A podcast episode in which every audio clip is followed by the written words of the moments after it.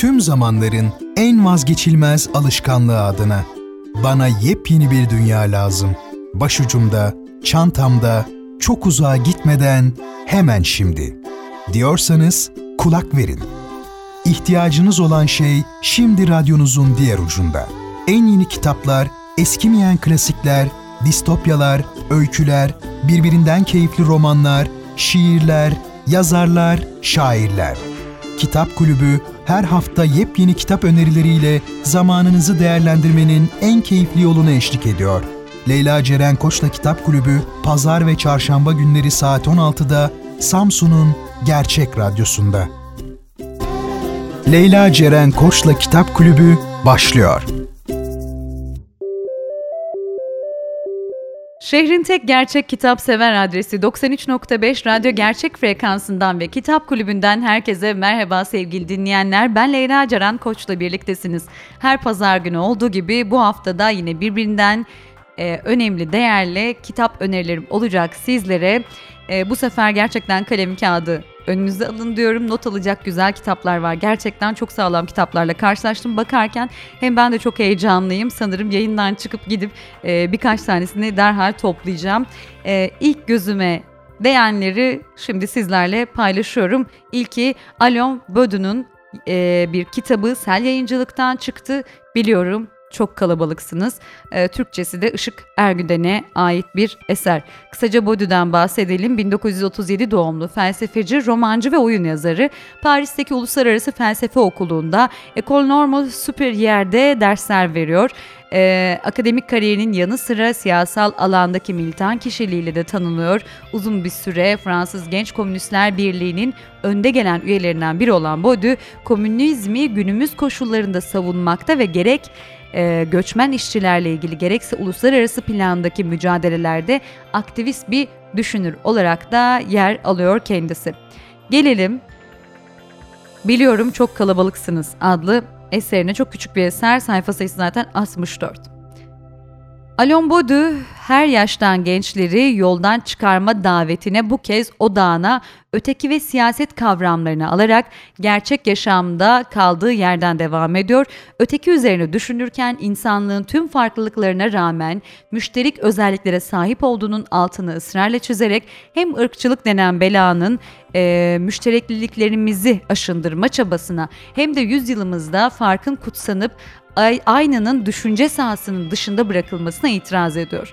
Birine diğerine tercih etmektense ikisinin birlikte hareketine odaklanan bir düşünce kurmak gerektiğine, özgürlüğe giden yolun ancak bu diyalektik sayesinde inşa edilebileceğine vurgu yapıyor. Siyaset, e, siyaset üzerine ise günümüzde geçerli olan 13 tezi yorumlayarak bir rota öner e, önerisinde bulunuyor diyebiliriz. Sermayenin ayakta kalmak için savaşa nasıl muhtaç olduğunu gözler önüne sererken olumsuz slogan, e, sloganlara sıkışmış muhalefetin eylem kapasitesini arttırmak için de taktikler geliştiriyor. Giderek düşmanına benzeyen bir siyasal jargonu ve eylem envanterini reddetmek gerektiğini anımsatan Bodu, etkili bir mücadelenin el çekmesi ve gücünü yoğunlaştırması gereken odakları sarih bir biçimde açıklıyor. Çoğunluğun kanaatine karşı hakikatin zaferini ve mücadelenin dirayetini hatırlatan bir çağrı denmiş eserin yayın bülteninde. Biliyorum çok kalabalıksınız. Alain Baudu'ya ait 64 sayfalık bir kitap Sel yayınlarından çıktı. Sevgili kitap severler bence kesinlikle göz atılması gereken bir eser. Hemen devam ediyoruz. Bir başka esere geçiyoruz. 7 ucuz şey üzerinden dünya tarihi Raj Patel'de e, yazarı.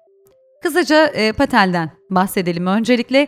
1972'de Londra'da doğuyor. Hayatının farklı dönemlerinde Zimbabwe, e, Güney Afrika ve Amerika Birleşik Devletleri'nde yaşamış. Akademisyen, gazeteci, aktivist, yazar. E, 99'daki Seattle protestolarının örgütleyicilerinden de birisiymiş. Topraksızlar ve Via Campesina hareketiyle de ilgilenmiş. Gıda bağımsızlığı üzerine çalışmalar yürütmüş bir isim. The New York Times çok satarlar listesine giren The Wall of Nothing'in de e, dahil olduğu farklı kitap çalışmalarında varmış kendisinin. Gelelim bu kitapta neyi anlattığına, neyi aktardığına.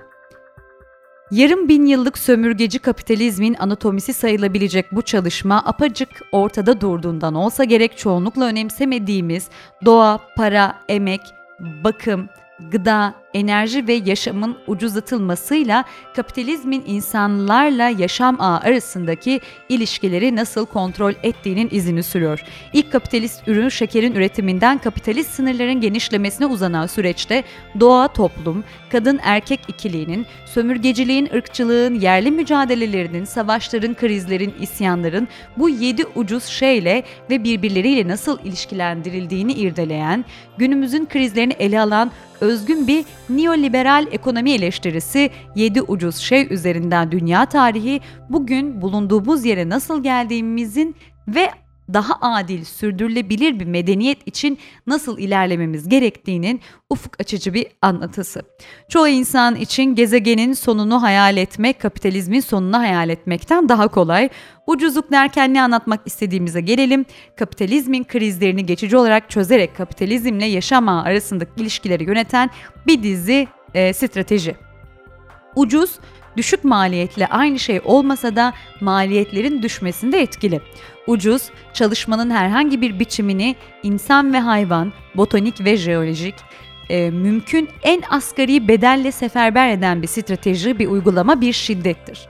Kapitalizmin bu adlandırılmamış yaşam kurma ilişkilerini üretim ve tüketim döngülerine dönüştürdüğü ve bu ilişkilerin olabildiğince düşük fiyatlarla hayata geçtiği süreç hakkında konuşmak için ucuzu kullanıyoruz denmiş eserin yayın bülteninde. Tekrarlayalım e, eserimizi kolektif yayınlarından, kolektif kitaptan çıkan bir kitap. 7 ucuz şey üzerinden dünya tarihi e, Raj Patel'e ait bir eser.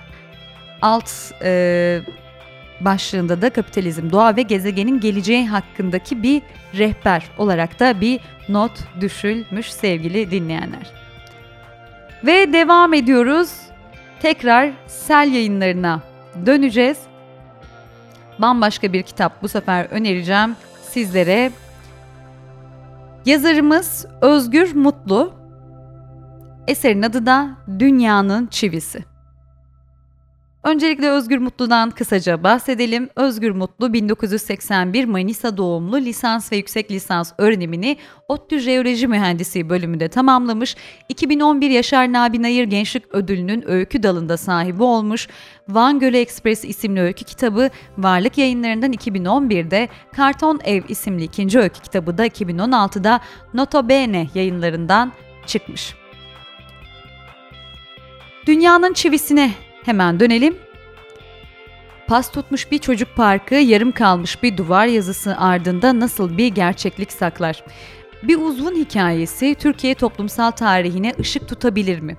Bir sırrı taşımanın omuzlara bindirdiği yük bir kaplumbağanın çatlak kabuğundan nasıl sızar? Dünyanın çivisi, okuru gerçekle hayal gücünün karışıp birbiriyle bütünleştiği büyülü bir yolculuğa davet ederken hayali bariyerlerle beton duvarların, iradenin kısıtlarıyla, somut engellerin, hayali kahramanlarla sıradan insanların dünyanın mührüyle şehrin çöpünün iç içe geçtiği bir evren kuruyor. Özgür Mutlu 3. öykü kitabında bir yandan 50 öykücülerinin izini sürüp gerçekle fantazma arasındaki açı farkını kapatırken diğer yandan toplumcu gerçekçi öykücülüğün çağdaş örneklerini sunuyor. Tekrarlayalım. Sel yayınlarından çıktı Dünyanın Çivisi 95 sayfa e, kitabımız. Yazarımızsa Özgür Mutlu. Ve devam ediyoruz sevgili dinleyenler. Metis yayınlarına geçiş yapıyoruz ve haftanın son kitabından size bahsedeceğim. Yazarımız John Berger, çevirmenlerse Beril Eyüpoğlu, Oğuz Tecimen ve Özlem Dalkıran. Üç çevirmenimiz var. Kitabımızsa Manzaralar. Önce John Berger'den bahsedelim kısaca. 1926'da Londra'da doğdu. İngilizce yazan en etkili sanat eleştirmenlerinden biri olan Berger, e, ayrıca senaryo yazarı, romancı ve e, belgesel yazılı, yazarı olarak da tanınıyor. Metis yayınları yazarın klasikleşmiş yapıtı görme biçimlerinin 86 yılında çıktı. E, yanı sıra Picasso'nun başarısı ve başarısızlığı, Düğüne, e, Alain Taner'le birlikte yazdığı 2000 yılında 25 yaşına basacak olan Yunus, görünüre dair küçük bir teori gibi kitapları da yayımlanmış. Daha bundan çok daha fazla liste uzun ama ben bu kadarını sizlerle paylaşacağım. Berger'in e, son romanı Kralsa 2001 yılında Müge Gürsoy Sökmen çevirisiyle de yayımlanmış sevgili dinleyenler. Gelelim Manzaralar kitabına.